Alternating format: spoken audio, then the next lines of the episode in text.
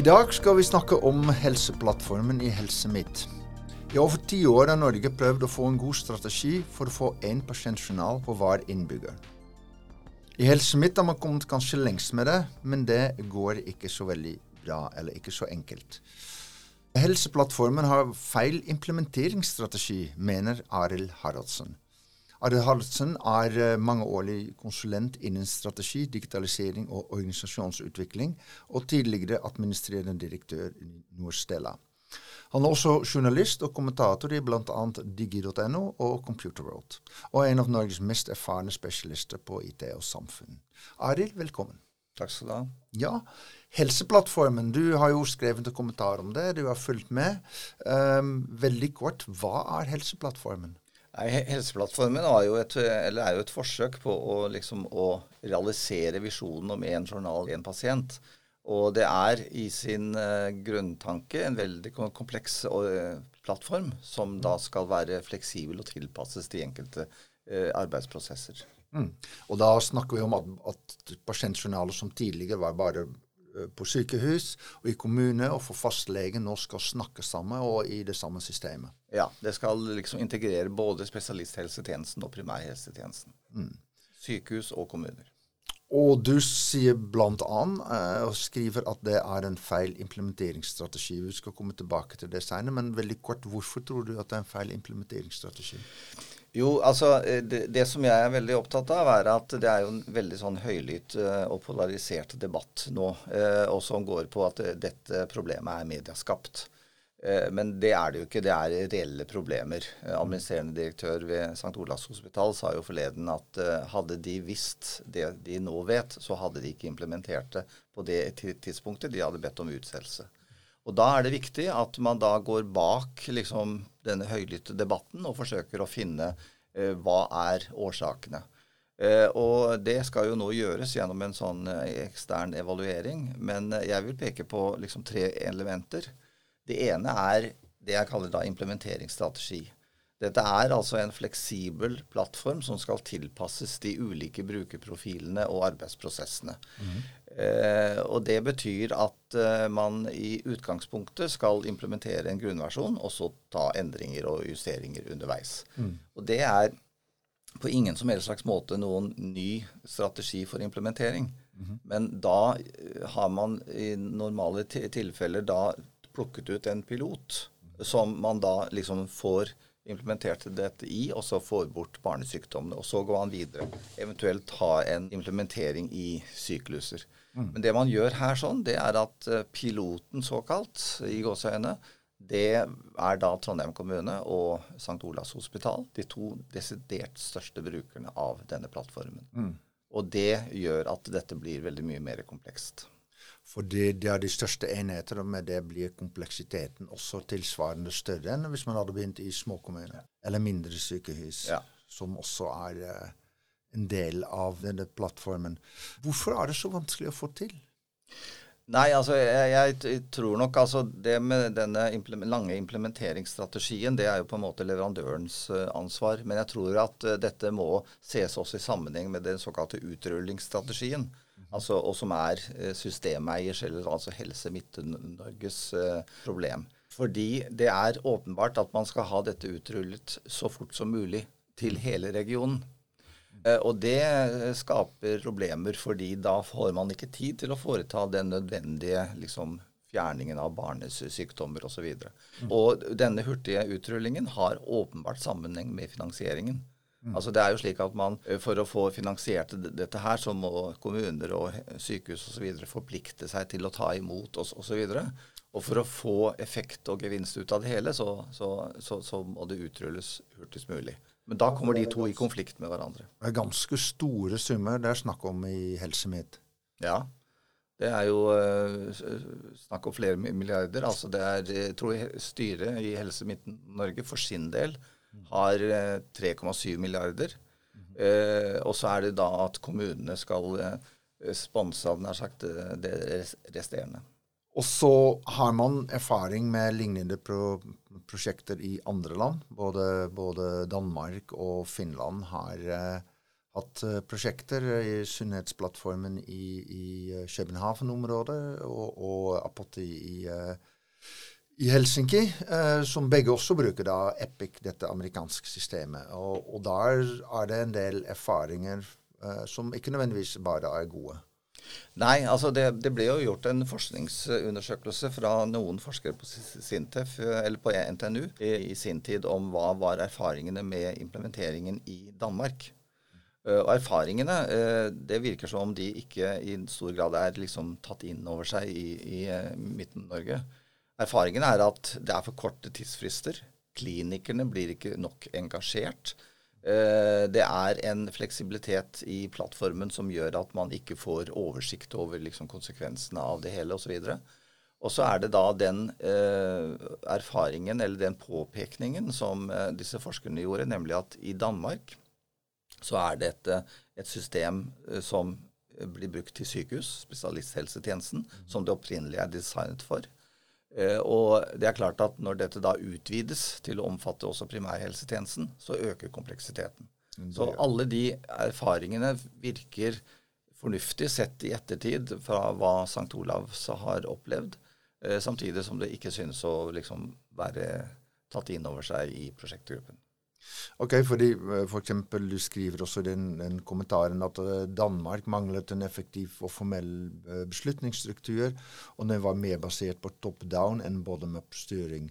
Um, helseplattformer har i hvert fall gjennom årene snakket mye med folk og prøvd å engasjere mange inn i dette prosjektet. Føler du at de har gjort de samme feilene som i Danmark, eller har de reelt prøvd å ha en annen tilnærming til det? Nei, altså det er klart at uh, man har snakket med folk uh, og involvert brukere osv. Men en annen ting er å gjøre det sånn i praksis. fordi det som er opplevelsen hos uh, veldig mange, det er at man ser stykkevis og delt av, av, av, av løsningen og ikke helheten.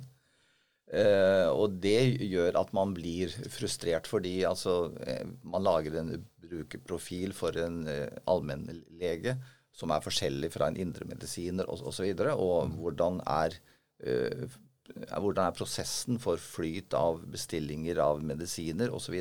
Man ser ikke helheten. Uh, så det er først når man gjør dette i praksis, at involveringen kan faktisk skje på en fornuftig måte. Mm. Mye, mye, av kritikken som vi, vi leser i disse debattgrupper, går på at Epic er et amerikansk system. Og man henviser til at amerikansk teknologi ikke fungerer i Norge. Men når vi ser på alle andre områder i samfunnet, så bruker vi veldig mye amerikansk teknologi.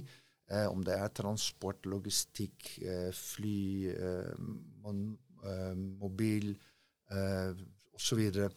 Hvorfor er det i helse et amerikansk system noe som er negativt? Nei, altså etter min mening så har det ikke noe med at det er amerikansk. Det som er utgangspunktet, er at det er en sviteløsning. Det er en komplett eh, integrert eh, plattform. På samme måte som SAP er det i sin tid innenfor industrien, og SAP er tysk. Eh, så, så, det er ikke, ikke, i sin grunn da liksom at den er amerikansk eller tysk.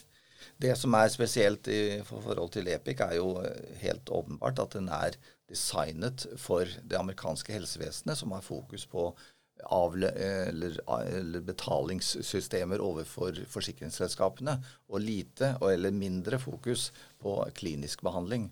Og det er nok der at liksom logikken i systemet uh, går på tverke med liksom hvordan helsevesenet i Norge fungerer. Så ja, Epic har kanskje som, som løsning problemet, og, og, det betyr det også om man hadde hatt en tysk-norsk eller nederlandsk-engelsk system med samme bakgrunn, så at det også ville gitt store utfordringer. Ja, ja, helt åpenbart. Altså problemet, Grunnproblemet ligger i at det er en sviteløsning. Mm. Og det ville norske og andre også hatt. Men da har man antageligvis innført dette på en helt annen måte. Mm. Så kan man også da stille spørsmålet er det en sviteløsning som man egentlig skal ha. Men det er en annen sak. Det, det, er en beslutning man har tatt i sin tid. Og det er en da, Man kan da ha en suiteløsning, eller alternativ at man velger for hvert eneste område den beste løsningen som finnes på markedet, og på en måte få dem knyttet sammen. Ja, da er det å stille krav til standarder og API-er og, og alt sånt. Mm.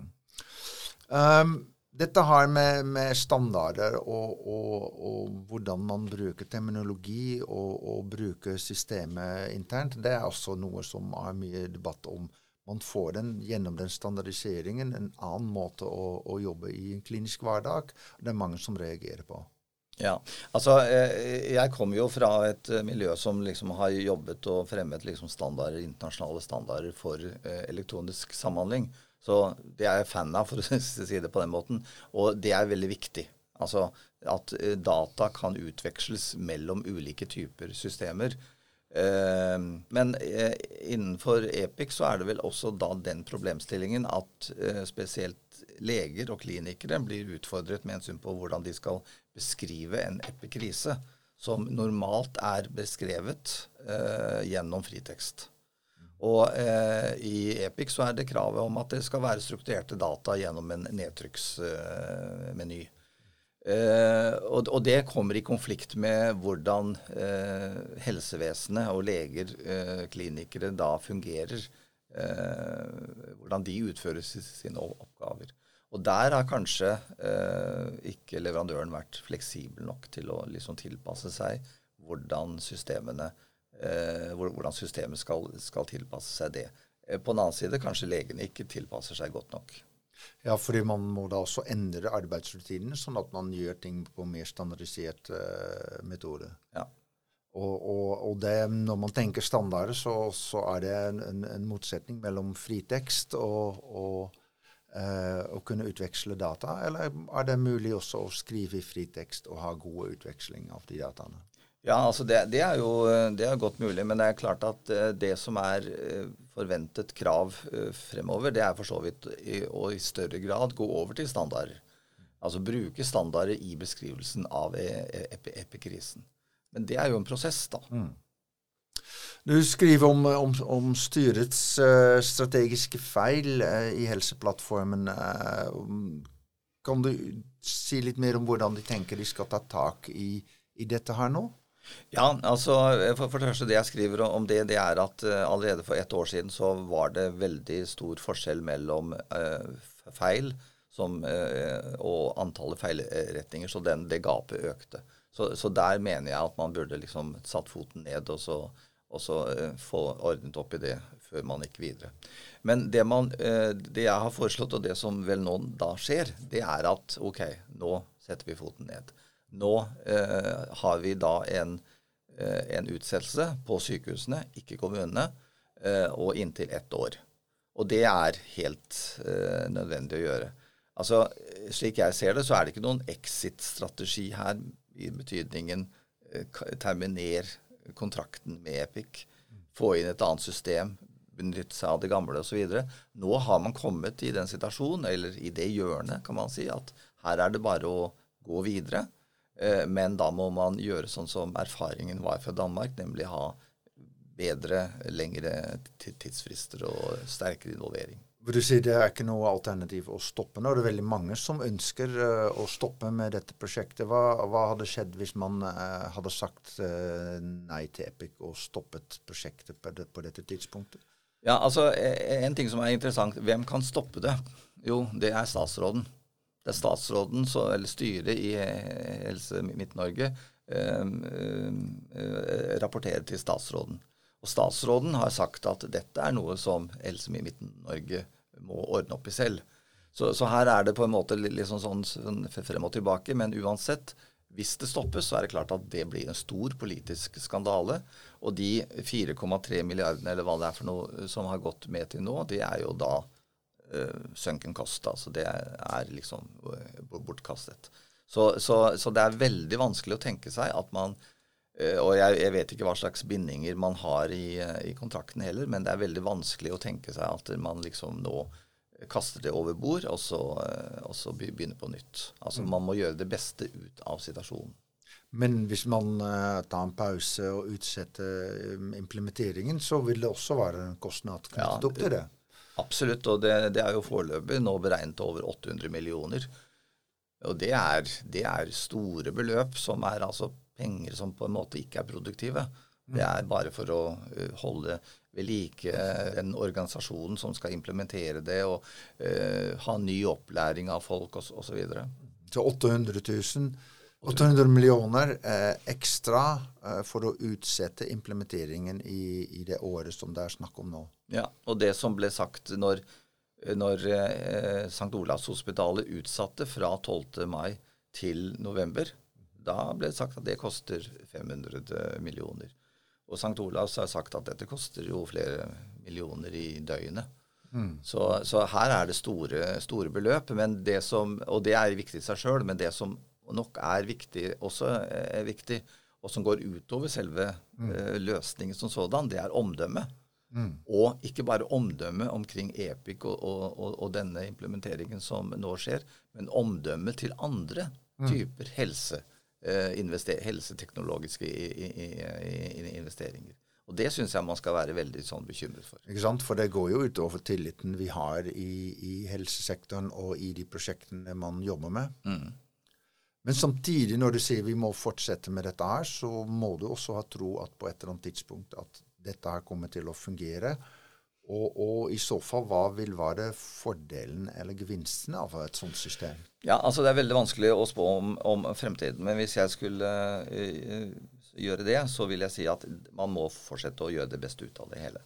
Men det som er enden på det hele, det er at uh, denne løsningen, Helseplattformen, blir ikke fullt ut integrert, eh, implementert i hele Midten-Norge. Og den kommer ikke til å bli brukt utover den eh, regionen.